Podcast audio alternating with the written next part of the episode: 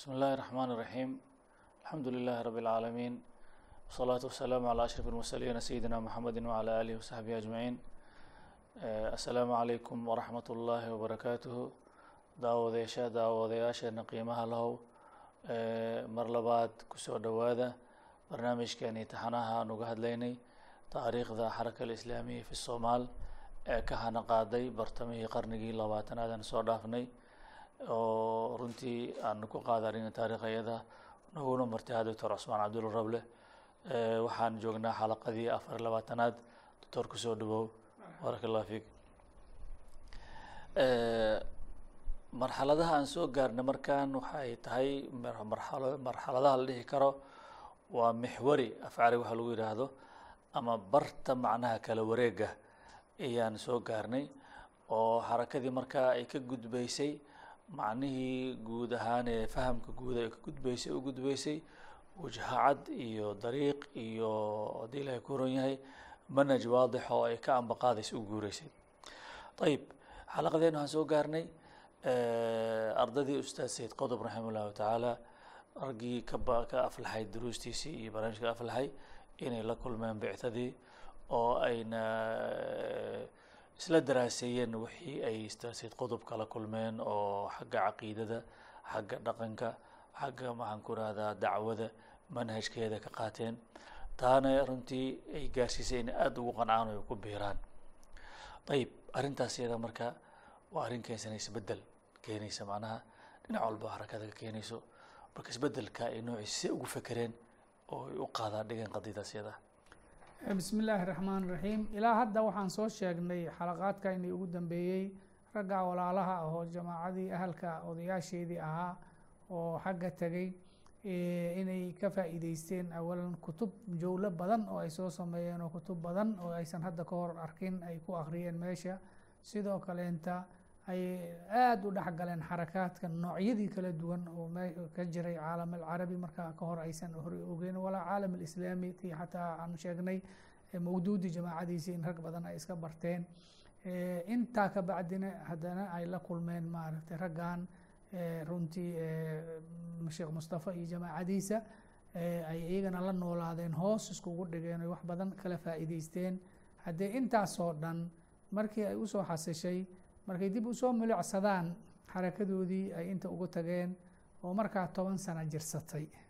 Ilan sagaash waxaa la soo bilaabay lixdan iyo sideeddii. Haddana markaan waxaa la marayaa awaakhirtii toddobaatan iyo toddobadii ayaa la marayaa. Waa toban sano muddo ku dhow. Tajrubadii waxay samay jireen iyo hababkay dacwada u fuli jireen iyo habkay dadka ku dooran jireen iyo wixii meeshay dadka ugu bilaabi jireen iyo kulli wixii oo dhan way ka hor cad yihiin. Intan oo ay maaragtay runtii hadda faa'iideysteenne wixii ay kala kulmeenne way ka hor cad yihiin. Marka dabcan waxaa imaanaya ka fikirka ah xarakadoodii. Maxaa meelaha in wax laga bedelo ay u baahan tahay? Meelaha sideeda in loo deeyay ay u baahan tahay? Waa markaa waa iska dabiici in ay ku timaado. Halkaas ayaa waxaa ka bilaaban doono runtii aan xalaqada inaan inaan ku qaadaan dhign aan jecelnahay meelaha in wax laga bedelo ay tahay. Kow qodobka ugu horreeya oo aada u soo baxay waxaa weeye in sideedaba dacwo haddii la rabo oo weliba wakhtiyadan oo kale gurbat alislaami athaaniya la joogo oo rasuulku salawaatu ullahi waslamu aleh hore u sheegay in islaamka maalintii ay dacwada hore bilaabanaysay gariib oo xaqaa'iqda islaamka ay aheeday oo dadka aad ay maaragtay ula yaabayeen sidaas oo kale inay imaan doonto aakhiri zamaankane wakti islaamkiiba uu gariib noqdo. Runtii qurba thaaniya oo islaamkii oo weliba nidaamkiisii iyo dowladnimadiisii iyo kudhaqankiisii iyo sharcigiisii kudhaqankiisii la tirtiray la tirtiro gaalo wadamadii ay wada qabsatay markay ka tegeysayne kuwii iyaga ku dhaafatay dastuurkoodii iyo qawaaniintoodii inay halkooda ugu sii wadaan ay caalamkii ay tahay. Markaan oo kale marka la rabo islaamkii maaragtay dadkii in dib loogu soo celiyo runtii waxaa laga maarmaan ah in laga bilaabo waxyaalaha asaasiga ah in laga bilaabo oo aan la isku mashquulinin waxyaalaha faraca. Waxaa ugu muhiimsan xagga caqiidada caqiidada in laga bilaabo. Sida qur'aankaba markii horeba saddex iyo tobankii sano uu soo degayay qur'aanka makiga ah qeybta caqiidada dadka looga dhisaya intaan tafaasiisha nidaamka islaamiga ah aan loo gelin. Macnaheedana waa maxay? Waxa weeye hadda caalam alislaami nidaamyo oo reer galbeedka laga soo min guuriyey ayaa ku faafay. Fasaad badan baa waddanka ka jira. Akhlaaqdiisi baa fasaaday. Dhaqaalihiisi baa fasaaday. Maxaan ku idhaahdaa dhinac kastay ummaddii ka fasaadsan tahay. Fasaadkaas marka marka la raba in la xaliyo waa mas madaxa laga dilaabay soomaalida tidhaahdaa meesha uu ka soo farcamaya in la abbaaro oo waa maxay? Fasaadkan khuluqiga oo hadda yaalla iyo inxiraafaadkan jus-iga ah waxa waxay ku tiirsan yihiin fasaadka nidaamka xukumka ku jira. Oo macnaheeda waxa waaye meeshii ilaahay kitaabkiisa la isku xukumi lahaa iyo shareecada islaamka oo waxaan oo dhan dadka akhlaaqdooda iyo diintooda hagaaji laheyd la isku xukumi lahaa ayaa beddelkeedii sharciyo qawaaniin iyo dasaatiir bani aadam maskaxdiisa ka soo fushay ayaa la yidhi ha lagu daweeyo cilooyinkii bani aadamka haystay. Iyadoo aan ognahay bani aadamka sidiisaba nidaamka iyo waxa uu degsada qolo meel markay fadhiisato inta ayaga u muuqata maslaxa ay ku talinayaan xataa haddayba maslaxa ka talis ba yihiinba ma garatay. Laakiin inta ay nafta bani aadamka ka yaqaaniin waa in xadidan. Bani aadamkan waxa hadda waqtigan la joogo mustaqbalkiisa u dan ah basharka sidiisaba ma garan karo allihii subxaanahu wa tacaala alaa yaclamu man khalaqa huwa latiif alkhabiir. Dadkan maslaxadooda yaqiinay waxa maanta iyo ilaa aakharo waxa u dan aho janno geyn lahaayeen adduunkoodana maaragtay liibaan ay ku gaari lahaayeen. Allihii yaqiinay. Ayaa xukumkiisi inta laga tegay alla yidhi annagaa ka naqaana waxa dantiina ee diintiina qarniyo hore wax jiri jira weye waqtigan looma baahno waa laga gudbay casrigii diin diinte nidaamkaana idin horumarinaya oo wax kasta idin hagaajinaya raaca la yidhi. Fasaadka ugu weyn meeshuu ka socdo waa halkaa. Oo xataa akhlaaqdan halaysan oo hadda mujtamacii markaas waxaa aada u soo baxday aad garanaysiin kudayashada reer galbeedka. Ama ilbaxnimada waxaan maaratay reer galbeedka dadka ay u qurqurxiyeen oo gaaladii intii joogtayna ay dadka geliyeen markay ka tageenne indhahooda dhanba ay u jeediyeen maaragtay. Ayaga leh in marka gaal maafaca la yidhaahdo oo la dabagalo haddaba dhaqanadan hadda jiro fool xun horta asalkaasay ka yimaadeen kudayashada si indha la'aan ah looga dayda gaaladii wixiidi xataa maxaa fiican maxaa xun aan la dhihin oo wixii lagu arkoo dhan lagu dayday ayay ka timiday midda kale waxa weeye haddii xataa waxbaa la hagaajinaa la yidhaahda waxaa diidaya nidaamka meesha jira oo sidiisaba raba in fasaadkan uu sidiisa u sii socdo oo dadkaani meeshan loo kaxayna oo lagu xiraya reer galbeedka lagu xiraya in aan la taataabanin marka waa waxa weeye waa gardaro garab og weeye oo fasaadkan akhlaaqdan iyo waxaan ummadda munkaraadkan ku dhex faafsan ood arkayso waxaa wuxuu ku tiirsan yahay nidaamka ilaalinaya dadka u qurxinaya ku dhiirigelinaya. Inuu ka celiya iska dhaafe asigaba ku dhiirigelinaya. Marka sideeda waxaa fiican in la abbaaro meesha uu cudurka ka jiro. Taas weeye doctor warkaa wuxuu xasuusinayaa macnaha nadariyad aan meel ka akrinayay oo ahayd siday isu saameynayaan dadka dhaqankooda suluughaan u sameynayaan iyo waxay ictiqaadsan yihiin. Oo qabaan qofka markii dhaqan kale loo yeelo dhaqankaas kale uu qaato uu jeclaado. Waxaa dhacaya siraac baa dhex maraya dhaqankaas iyo wixii gudaha ku jiray. Markii dhaqankiisi waxa gudaha ku jira u khilaafane wuxuu iska qancinaya waxa gudaha ku jira inay khaldanaayeen. Ama uu yidhaahdo waa laga gudbi doonaa. Ilaa marka dambe gudihii iyo dusha iswaafaqaan. Marka mar haddii marka isticmaalkuna sidiisaba caaqil bu ah buu garanayay dagaalka uu soo qaada markaan wuxuu ahaa dagaal qorshaysnaa oo isku aadanaa oo oo markaan asagoo ma rabin dhulka inuu qabsado keliya ma rabin wuxuu rabay maskaxda cuquusha inuu qabsaduu rabay. Marka dhaqanka faasaadka uu keenay wuxuu sameeyey maamulkii ayuu bedelay siyaasadii ayuu bedelay dhaqan iyo akhlaaq uu keenay. Dhaqanka akhlaaqduna waxay taabteen iyagana caqiidaday taabteen macnaha. Marka dadkaas marka in la saxo haddii loo baahdo in caqiidada laga soo saxa oo loo tilmaamo. Saas fikirka ujeedaan uma leeyahy macnaha. Ha haddaan hoos ugu sii galo arrintaas oo arrin muhiim ah in lagu baraarugo ay tahay runtii waxaan fasaadkan akhlaaqda iyo waxyaalahan oo dhan marka la rabo in la daweeyo waxaa fiican hadda islaamka wuxuu yaqaanaa alamru bilmacruuf wannahyi can ilmunkar haddii nahyi can ilmunkar munkarka aada rabta inaad reebto waxaa fiican in awoodaada dhan aada iskugu geyso annahyu can ilmunkar alakbar munkarka ugu weyn horta bal inaad dadkii ka fujiso oo shirkiga iyo gaalnimada iyo gaala raaca iyo gaala kudayashada iyo asalka meesha maaragtay maxaan ku ihahdaa walaa walbaraa'a meeshay ka ratibmayso asalka ah oo gaalnimadan loo sii kaxaynaya ummadda in badanna ayba qaateen oo macalqawaaniintoodii iyo wuxoodii ay qaateen oo tii ilaahay kitaabkii ilaahay ay iska tuureen munkarkaas weyn in horta la daweeyo. Intaan kale ayagaa meesha ka baxa.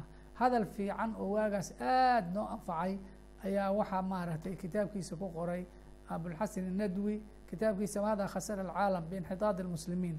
Canaawiintiisa cinwaan ka mid ahaa wuxuu ahaa isagoo rasuulka salawaatu ullahi sala sidau dacwadiisa meeshuu ka bilaabay iyo meeshuu abbaaray maaragtay markuu ka hadlaya cinwaan wuxuu ka dhigtay inxalat alcuqdat اlkubraa fainxalat alcuqadu kulaha gunudii ugu weyneed baa furantay.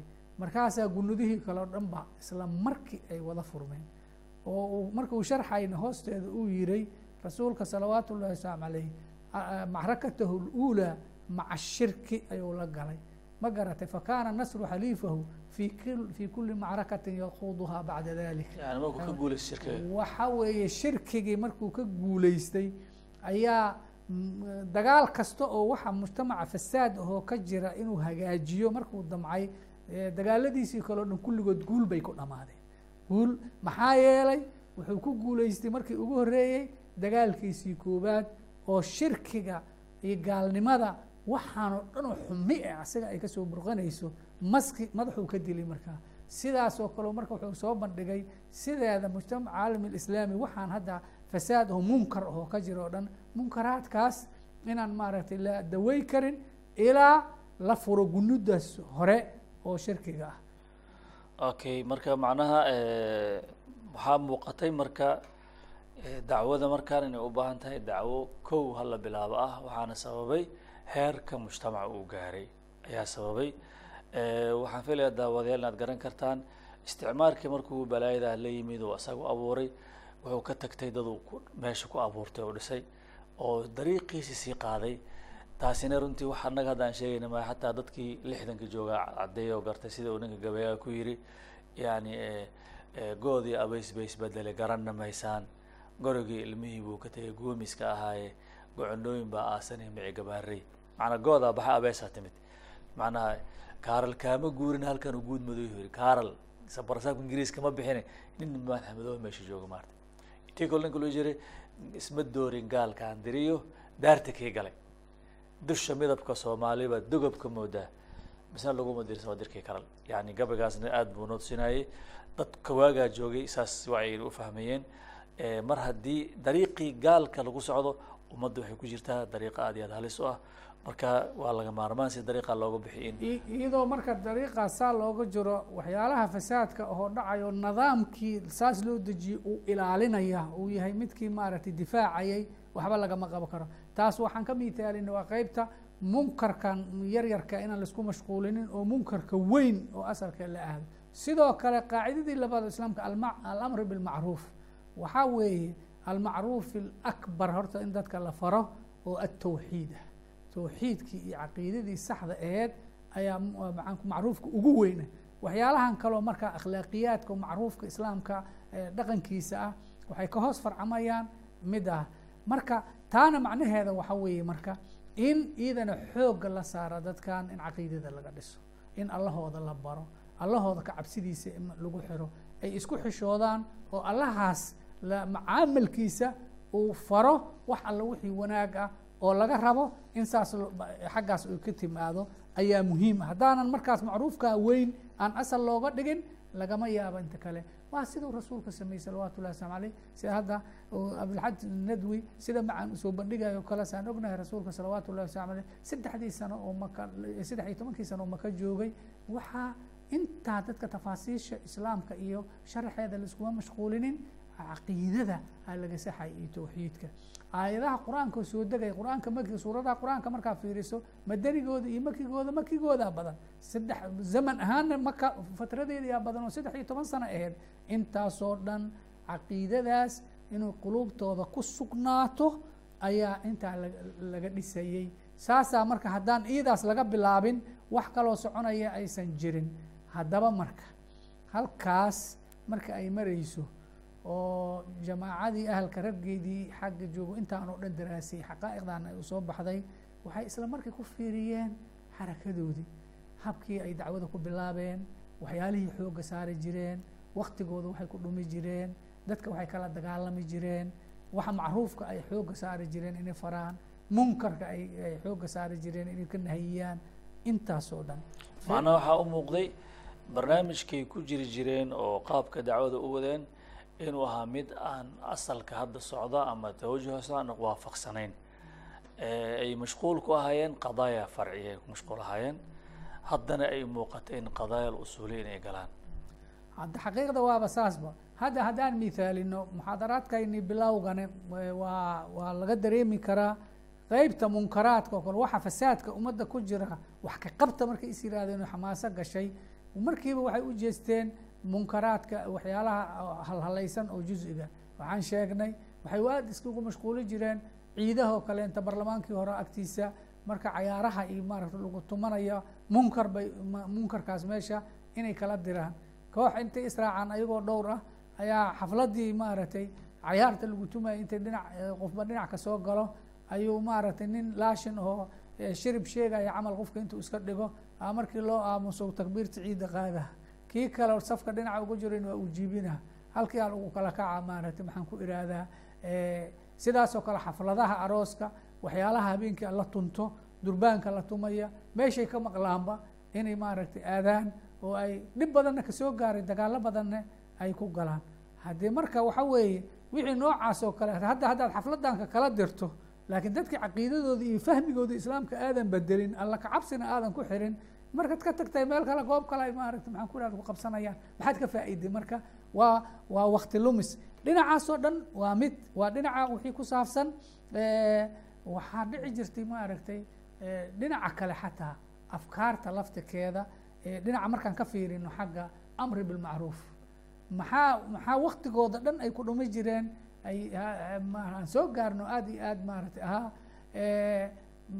iskuulaadka aan dhiganayno nawaadida marka laiskugu yimaado meelka goob kastoo tajamucaad yimaada intaa waxaan isku dayeynaa inaan dadka islaamkii u sharaxno.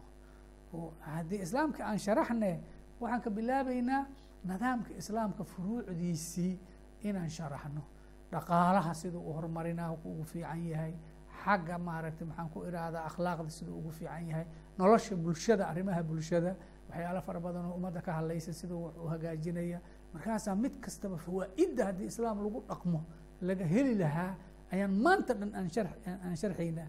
Magar shubahaadka islaamka loo soo jeediyo haweenka maaragtay in laba haween la guursado ma aha iyo addoonnimo islaamka qaba iyo waxyaalahaasoo maaragtay marka horeba loogu talagalaa in muslimiinta lagu wareeriyo ayaan maanta dhan faa'iidadoodan aan ku mashquulsannahay muxaadaraadkaas.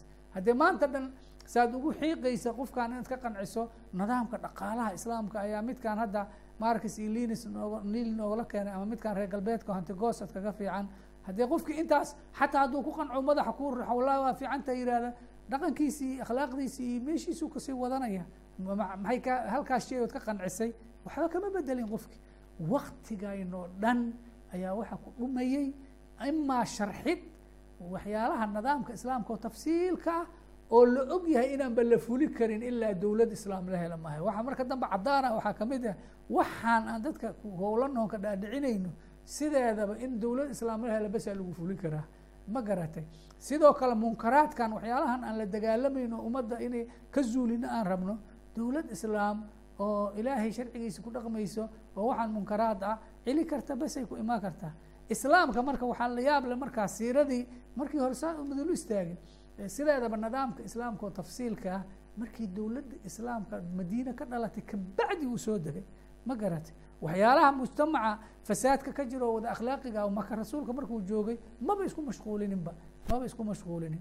Arrimahaas oo dhan oo markii hore aan si fiican loo dul istaagin ayaa hadda yimid. Oo warkii kooban muxuu noqday haddii wax la faraana dadka tawxiidka iyo caqiidada usaxideeda in laga bilaabo allahooda lagu xiro oy saas ayaga xumeyd haddii wax la saxaya khaladne shirkiga iyo kufriga iyo qawaaniintan sharciyadii ilaahay lagu bedelay iyo dastuuradan oo dadkii diintii ka kaxaysay in la bedelo islaam ilaahay keliya laga tala qaato. Asaga keliya laga amar qaato kitaabka ilaahayna la isku xukumo shareecada islaamkana la dhaqan geliyo. Bimacnaa inay ilaahay ku xirmaan oo qulubtooda waxa alla ka soo hor ay ka xoroobaan fura furaha oo isbeddelka asaasiga ayib kaasi waxaa dhihi karaa waa qeyb ka mida isbeddelka meesha u muuqday ma yani waana isbeddel oo la dhihi karo macnaha waa xidid halbowle ama asaasi waaye dacwada bilowgeedii marka majaal kaleeto ma jiraa oo muxuu ahay isbeddelka ay ka sameynaysa qadiyada iyada?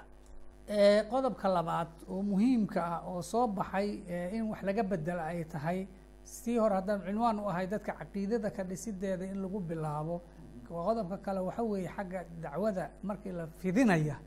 Sideeda waxaa aada u caddaatay in loo baahan yahay si dacwada saldhig in loo sameeyo. Waxaa loo fiqi lxaraka lagu magacaabo qaacida salba. Dad xul ah oo si gaar ah loo tarbiyeeyey oo qaada dacwadan dadkana u bandhigi kara dhaqankooda iyo akhlaaqdooda si nadiifka ah oo islaamka ayaga intay ku noolaadeen si fiican suurad macaan tarjama tusaale fiican ay u noqon karaan. Dhinacna dhinacaas ka ah. Dhinaca kalene haddii islaamkaas haddii la yidhaha waa loo halgamaya dhib waxaa dagaal badan baa lagu qaadi doonaa. Waa dad marka adkaysa kara oo u sabri kara oo takaaliifta dacwadan ka imaan doontana dhabarka u dhiga karo haddana tusaale fiican uu noqon karo. Dadkaas saldhigga ahoo aan loo helin dadweynahan laiska soo aruurinaho inta la xamaaso geliyo markaas markay ayaan xoogaa kula xamaasoodaana jugkuugu soo dhahaya imtixaanaad iyo markay yimaadaanoo gacanta laisla galane haddana kaa kala yaacaya. Macnaha waa dacwo dacwo xulasho ku dhisan waaye macnaha saas wey dadka la soo xulanaya dadkaasina haddii la soo xulo u baahan diyaar garayn khaasa. Si ay u noqdaan aasaas adag dhismaha soo socda ugu noqdaan. Taas waa isbeddelka la ataymaan isbeddelka kadaba ugu weyn waa dhinacan in dacwo ku dhisan xulasho dadka khiyaarukum fi ljaahiliyati khiyaarukum fi lislaami ilaa faquhu mujtamaca inta ugu toolmoon oo ugu nuxursan inta maaragtay lagala soo baxo kabacdina la dul fariisto si fiican loo tarbiyeeyo ilaa dadkaas dadkii dacwada ay ku dul dhismi laheyd oo arrintaas oo aad doctor muhiim u ah in in dacwada asaas adag ay yeelato. Aaday muhiim u tahay marka asaaskaas in la sameeyo oo dadkaasaa la soo maxay faa'iido leedahay maarta? Tan horta ugu muhiimsan waxa weeye ma og tahay saan haddaba sheegaynay haddii dacwo islaam oo dhab ah oo isbeddel doon ah oo timaada dadka xukumka haysta ama qur'aanka almala uu ku magacaabo inta badan ma ogolaadaan markiiba inay masaalixdooda iyo danahooda ay nidaamka fasidka ay ku amarku taagleynayaan ay ku qabeen in inta laga bedelo cadaaladii islaamka iyo sinaantii islaamka la keena ma ogolaanayaan haddaba marka ay muqaawamada noocaas oo kale ay timaado waxa weeye haddaan loo helin dad sabra oo waxaas oo dhan u dhabar dhigo horta dacwada ma soco karto. Taas waa waa waa waa dhinac. Haddaba marka arrintaas xaqiiqa ahaan waxaan rabnaa anagoon ku sii waa wax iska cada aan ku sii dheeraanin. Xarakadii raggii hogaamiyaasha u ahaa daakhil iyo dibadba ha joogaane. Marka ay fiiriyaan noloshoodii waxyaalo badanoo waxay arkayaan sideeda dadweyne laiska soo aruuriyey oo aan dhisneyn aan si fiican wax u fahmin aan la tarbiyeynin wax aad ku dhisi karta inaysan jirin. Jamaahiirta jamaahiirta u tegi doonaahe qadiyadda marka macnaha dad la soo xulay oo haddana yani aasaas adag u noqdo xarakada oo hadhow barnaamijka imaan doono asal u noqdo ayaa ahaa isbeddelka kale ee meesha yimid. Oo isbeddel marka ujeedo marka tallaabaqaad dhab ah weeye. Tallaabaqaad yani aan caadifad iyo xamaasad ku dhisnayne tallaabaqaad ujeedo waxay damacsan tahay iyo meesha u guureyso iyo culayska ay leedahay waxay waajihi doonto. Saa darteed loo bahay in loo diyaar garoobo. Waa qodob aad iyo aad muhiim u ah oo runtii dacwada saldhigu ah marka dacwadaas iyada marka waxaa looga dayday sidaad warka ku sheegteen rasuulka alayh salatu salaam iyo ambiyada dhan macnaha kaana dacwatuhu muwajaha ilaa markii asaaska ahayd ba maarata macnaha dad xul ah oo loo yeero istifaaga ku dhisneyd. Marka dacwa aljamaahiriya iyo barnaamijka isma keenayaan sida meesha ka muuqato. Dacwa aljamaahiriya baan rabaa marka masaawida ay leedahay fi hadihi almarxala iyo waxa ay hagaardaamin dacwad u geysan karto maxaa dacwada ka hadlayn karta oo markaana u muuqday waxa aada looga hadlay inay tahay. Wax nooga bidhaame waxaan rabayba inaan miithaalada u keeno waxa weye wax kastaba bilamhila tatadix ilmasaa'il baa la yidhahda waxyaalaha ku bixinayay raggeenaas inaan maalintaas la arko sideedaba maaragtay dadweyne caadifale lagu soo aruuriyey oo aan dhisneyn inaanan lasku aan la isku halay karin. Hadda bilowgii horeba xarakat itixaadi shabaab almuslimiin mar alla markay kaceen oo dhalinyaro wanaagsan oo nadiif inta la arkay dad badan waa idin aydsannahay ay yidhaahdeen oo weliba xoogaa waktigaasoo hadda habka nidaamka waddanka ka jirayna uu iska saamaxay axsaabta. Waataan sheegnay intaan wakti dheerba la gaareen lix boqol inay gaareen lix boqol inay gaareen. In yar ka bacdi markii kacaanka yimiday oo ushii military maxaan ku ihahdaa la lulay oo la yihi gacan dacwadii oo curdan ah gacan kacaanka ayaa gacanbira ku qabanaya. Waatay kala yaaceen oo labaatan ay ka soo hartay intii kalena ay kala tageen. Aaway ummaddii dhammeed oo maaragtay haddii lagu talagelay taas waxa weeye hortooda ka muuqatay dad un caadifale lagu soo aruuriyo on dhisneen inaan waxba lagu dhisi karin. Intaa waxaa dheereed oo arrinta ugu weyn oo aada ugu sii qancisay ay tahay markii xarakaadka islaamka la dhex galay oo xarakadii ugu muhiimsaneed oo ugu weyneed oo ikhwaan muslimiin loo tegay waxyaalaha tajrubadoodii laga arko waagaas la daraaseynaya waxaa ka mid a xasan ubana khayr allaha siiyo nin aada muahir saameyn xoogle lahaa oo la yiraahdo markii isaga hadda istishaadkiisa shahiidnimada ilaahay uu siinayey oo afartan iyo side sagaalkii bilowgeedii ahayd afartan iyo sideeddii ayaa maaragtay maxaan ku irahdaa khatarteeda marka la dareemay xarakadii lagu soo dhex dhacay oo markii ugu horeysay oo ah xirxirid si wadareed oo dhinac safka mar ah ee ay ku timiday markii ay ku timid oo isagana la dhaafay intii kalena la xiray asagana waxaa loogu talagalay in la dilo loogu talagalay runtii markii ay axdaastaas oo kala dhaceen waxa ay marayeen tiradooda sida maaragtay lagu sheego nisfi malyuun hal nus malyuun ayay maalintaa marayeen. Nus malyuunkii markii lagu soo dhex dhacay xaggee ku dambeeyey ma garata waxaa laga soo wariyey xasan ubana waktigaas ayaamihiisa ugu dambeeyey khayr allaha siiye laba eray oo aada iyo aada muhiim u ah oona tusinaya xikmad weyn oo xarakaadka intii ka dambeysay inay ka faa'iideystaan ay aheeday midda koowaad waxaa laga soo wariyey isaga oo dhahaya maalmahaas dadkii isaga raacsana ikhwaankane ay nismalyuun marayaan in uu yihi low istaqbaltu min amrii ma stadbartu lacudtuhum ilaa ayaami alma'huuraat hadalkaas oo macnihiisa uu yahay haddii maanta waxa aan fahamsanahay aan horay u fahamsan lahaan lahaa buu leeyahay xasan ubana dadkaani waxaan ku celi lahaa ayaam alma'huuraat ayaam alma'huuraat waxaa loo jeedaa kooxdii ugu horeysay uu asisay oo ismaaciiliya ka asisay iyo ayaamahaas oo dhan oy tiro yaraayeen oo kooxdaas si fiican u tarbiyey. Kitaab risaal risaaishiisa ka mid aha waxaa la yihahdaa risaalat alma'huuraat oo ah cibaadadii iyo ilaah ku xirki iyo aad iyo aad siduu ayaamahaas ugu dhisay maaragtay uu aada ugu sheekeynayo saas darteeda marka wuxuu leeyahay macnaheeda waxa waaye haddaan maanta saan ogahay inay dadkan badanoo la soo aruuriyo on waxna ii qabanaynin inin haddaan saas aan horay u ogaa lahaa tarbiyadan xooga saari lahaa in yar oon tarbiyeysto sidoo kale ereyga kaloo laga soo wariyey waxaa ka mid ah isagoo nisfi malyuun ay jamaacadiisa gaarsiisan tahay inuu yiray haddaan saddex boqol oo si fiican u tarbiyeysan maanta aan heli lahaa ayaan ka jeclaa lahaa intaan oo dhan waxaasoo dhan waxay kutusaysaa marka ummaddan layska soo aruuriyey oo markii lagu soo dhex dhacayna kala carartay waxba inaan lagu dhisi karin. Aada iyo aad aada ugu mahadsanto ore waxa waaye faahfaahin badan wax badanaa laga qoray oo culimo badan oo waaga ka dambeysay qoreen sida maxamed qodob iyo muniir qodbaan ay qoreen insha allahu tacaala halkaan caawa ku ekeyno xalaqadeena anagoo ka sii faahfaahin doono. Insha allah muxuu ahayey kulankeena dambe. Waana runtii arrintu meel xasaasiya mareysaa inaan loo dayma la'aanin ayay mudan tahay. Ilaa an alqaakum asalaamu calaykum waraxmat ullahi wabarakaatu